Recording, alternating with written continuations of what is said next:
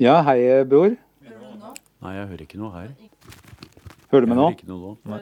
Nei. Men altså, på en måte, han hører jo ikke på meg uansett. Nei. Men kan du ikke bare fortelle til ham at det blir som vanlig? Han, han hører ikke på meg likevel.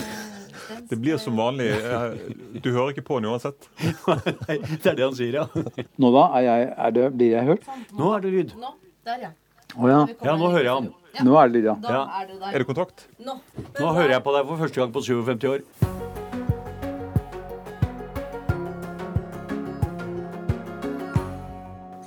Dere begge heter Gelmein til etternavn. Eh, Ja. For å gjøre det litt enkelt i denne sendingen her, så sier jeg bare Nils Kristian og Hans.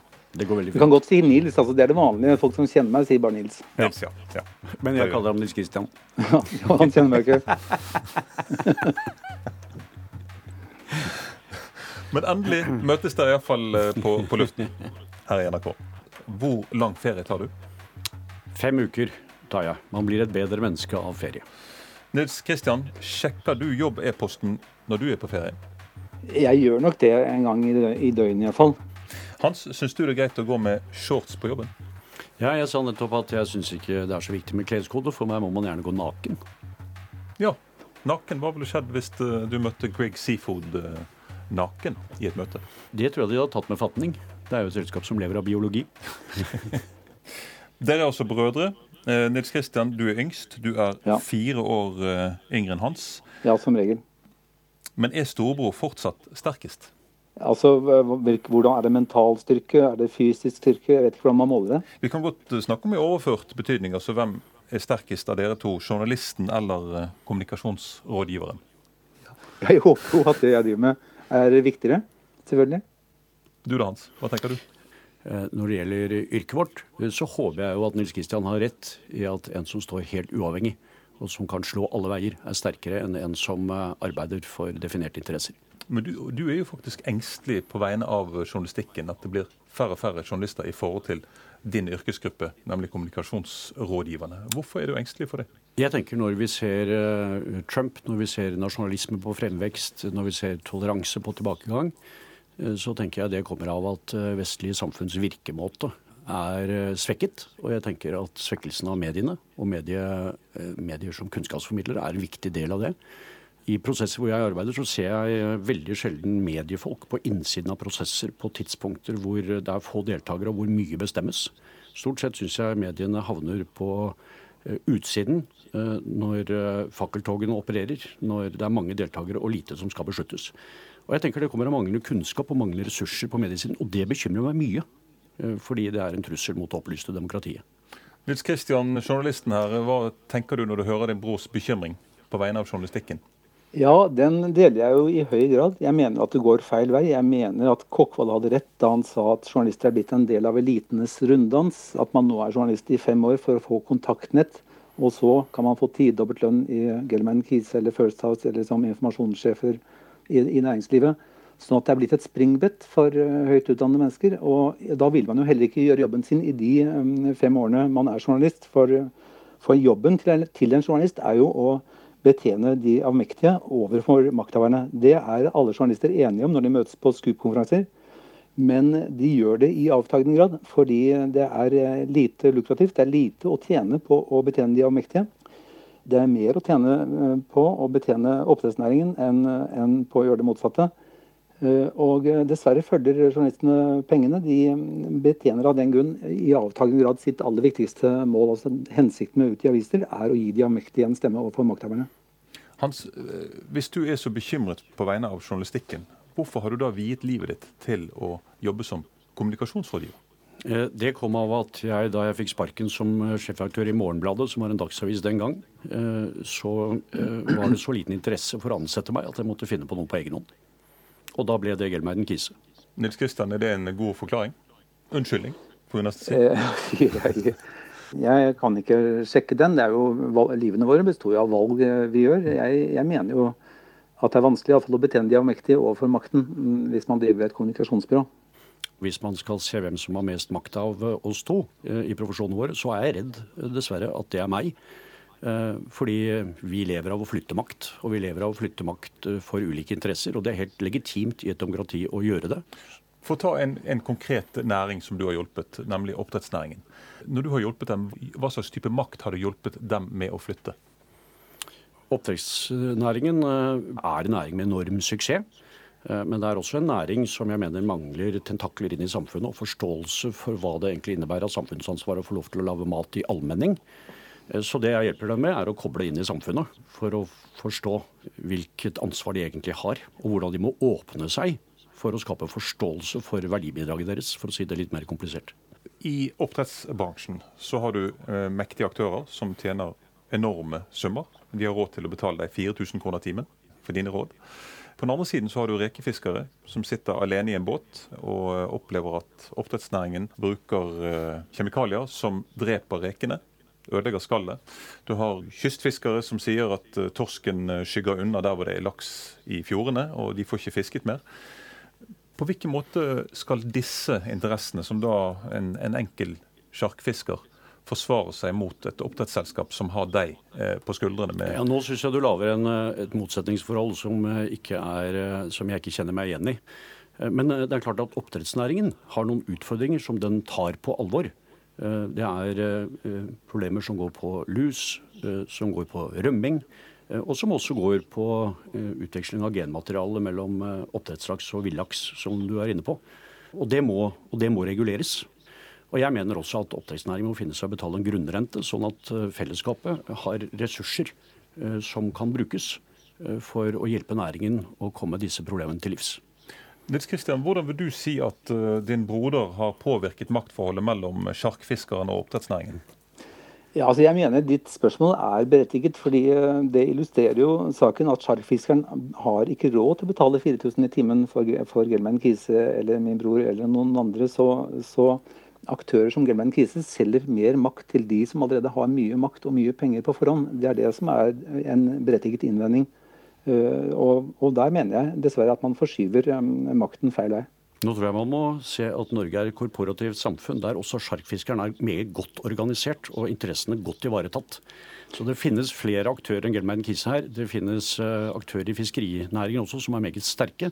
Og de har også sjarkfiskerne som medlemmer. Så nå syns jeg vi må sette ting litt i i sammenheng her. Nils Kristian, er det balanse her? Eh, det er en eh, tiltagende ubalanse, dessverre.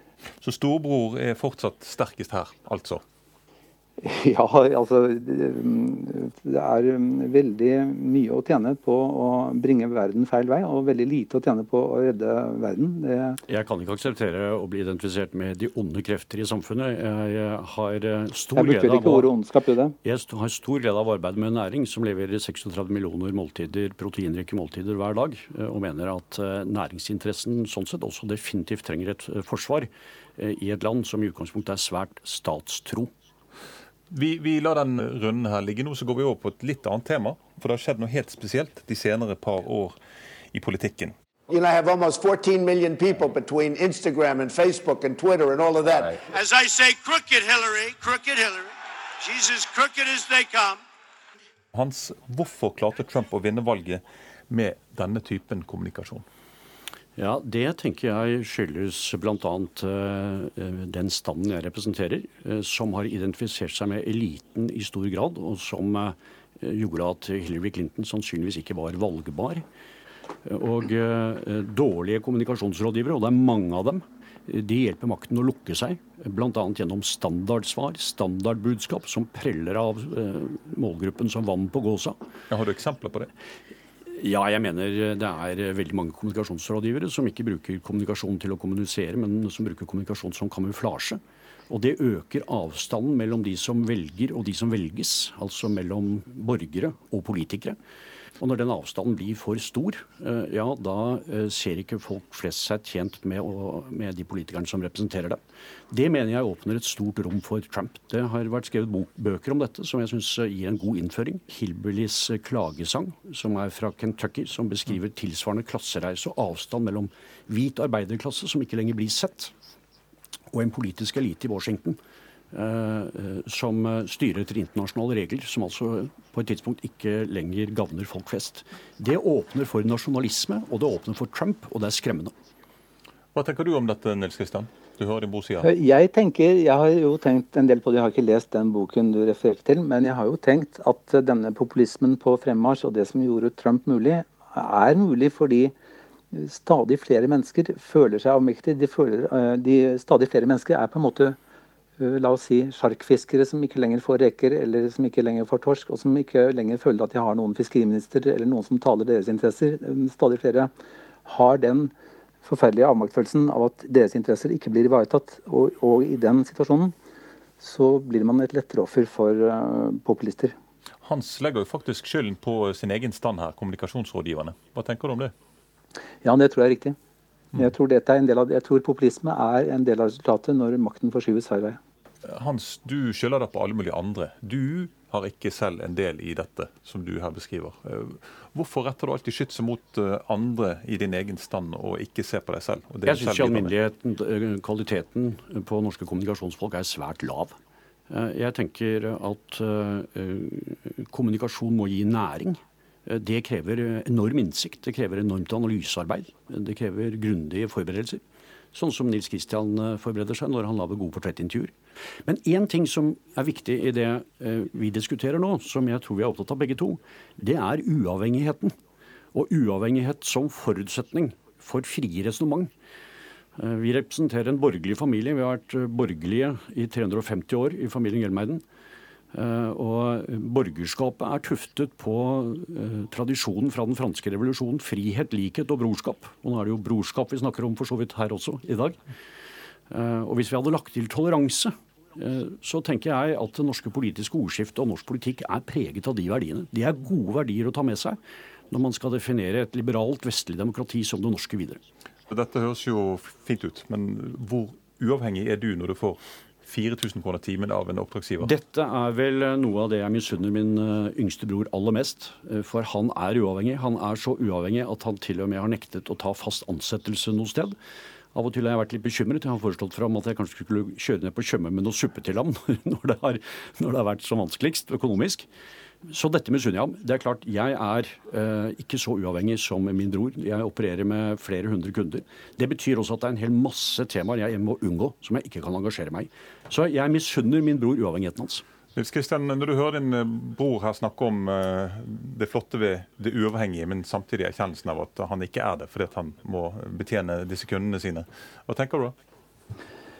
Altså, Jeg skjønner hva han sier. Ehm, jeg er stolt av den integriteten jeg har. Og, ehm, men, men, jeg syns det har kostet såpass mye og jeg synes det har vært såpass ubehagelig og har medført så mange ulemper at jeg ikke, neppe ville valgt det igjen.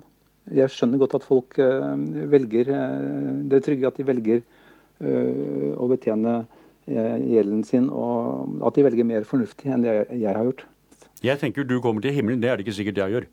Nei, jeg tror ikke det finnes noen himmel. Det er, jeg føler litt eh, du, du hva serverer du eh, din broder til middag når, eh, når han en sjelden gang kommer på middag til deg, Hans? ja, hva, hva, fikk, du, hva fikk du sist?